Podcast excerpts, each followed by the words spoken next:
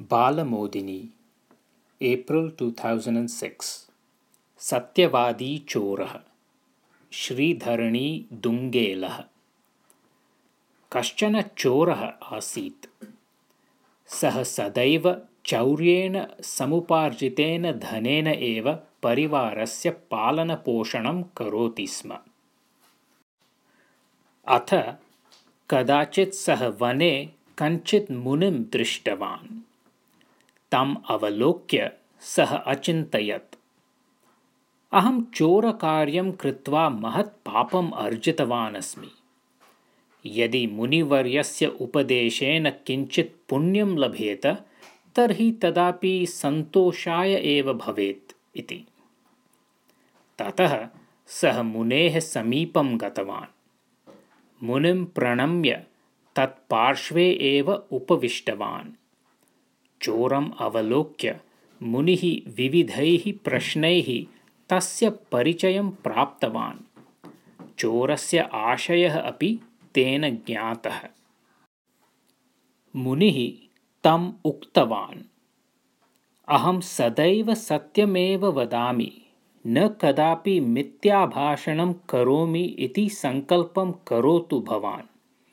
यदि एतद् भवान् कर्तुं शक्नोति तर्हि भवतः स्वर्गलाभः भविष्यति इति। चोरः मुनेः उपदेशं मनसा अङ्गीकृतवान् कर्मणा अपि तादृशम् एव जीवनम् आरब्धवान्। एकदा रात्रौ सः तद्देशीयस्य महाराजस्य कोशागारं चोरयितुं गतवान् भित्तौ रन्ध्रं कृत्वा अन्तः प्रविश्य तत्र स्थितासु सुवर्णपूर्णासु पञ्चसु पेटिकासु सः पेटिकाद्वयं चोरितवान्।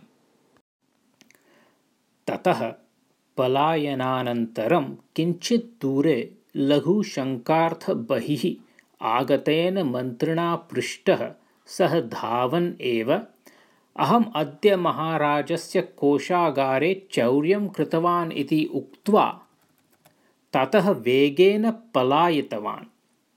मन्त्री रात्रौ एव कोशागारं गत्वा चोरेण चोरितानां वस्तूनां विषये ज्ञातवान्।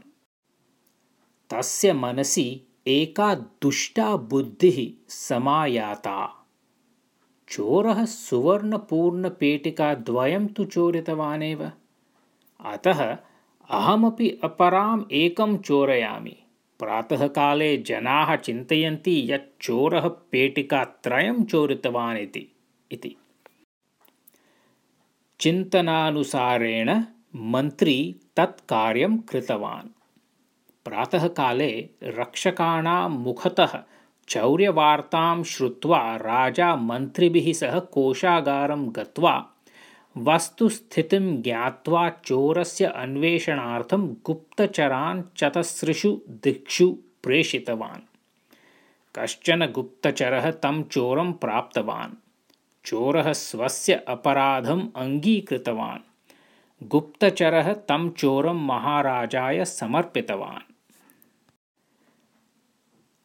अपरस्मिन् दिवसे राजास्थाने महाराजेन पृष्टः सः चोरः।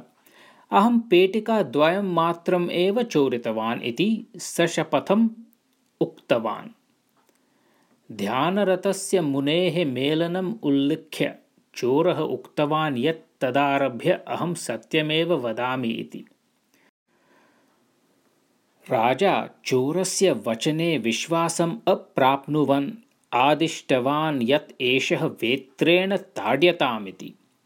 परन्तु पुनः पुनः वेत्रप्रहाराः दत्ताः चेदपि चोरः तृतीयपेटिकायाः चौर्य अपराधं न अङ्गीकृतवान्। तदा गुप्तचरमुख्यः राजानम् उक्तवान् यः सरलतया पेटिकाद्वयस्य चौर्य अपराधम् अङ्गीकृतवान् सः बहुधा वेत्रप्रहारं प्राप्य अपि तृतीयपेटिकायाः चौर्य अपराधं न अङ्गीकृतवान्। अतः एषः सत्यमेव वदन् अस्ति इति प्रतिभाति इति। गुप्तचरवचनं युक्तम् अस्ति इति अचिन्तयत् राजा अपि। किन्तु तृतीया पेटिका केन चोरिता इति तु न ज्ञातम्। ततः तृतीयपेटिकाचौर्यं निराकुर्वन् चोरः तस्यां रात्रौ प्रवृत्ताः सर्वाः घटनाः वदन् मन्त्रिणा सह सञ्जातं वार्तालापम् अपि अश्रावयत्। तदा राजा मन्त्रिणं पृष्टवान् किम् एतत् सत्यम्? इति। मन्त्री तत्सर्वम् अङ्गीकृतवान्। राज्ञा सतर्जनं यदा पृष्टं तदा मन्त्री तृतीयपेटिकाचौर्यपराधमपि अङ्गीकृतवान्। ततः राजा मन्त्रिणः सप्तवर्षात्मकं कारागारवासम् आदिश्य चोरं मन्त्रिपदे नियुक्तवान्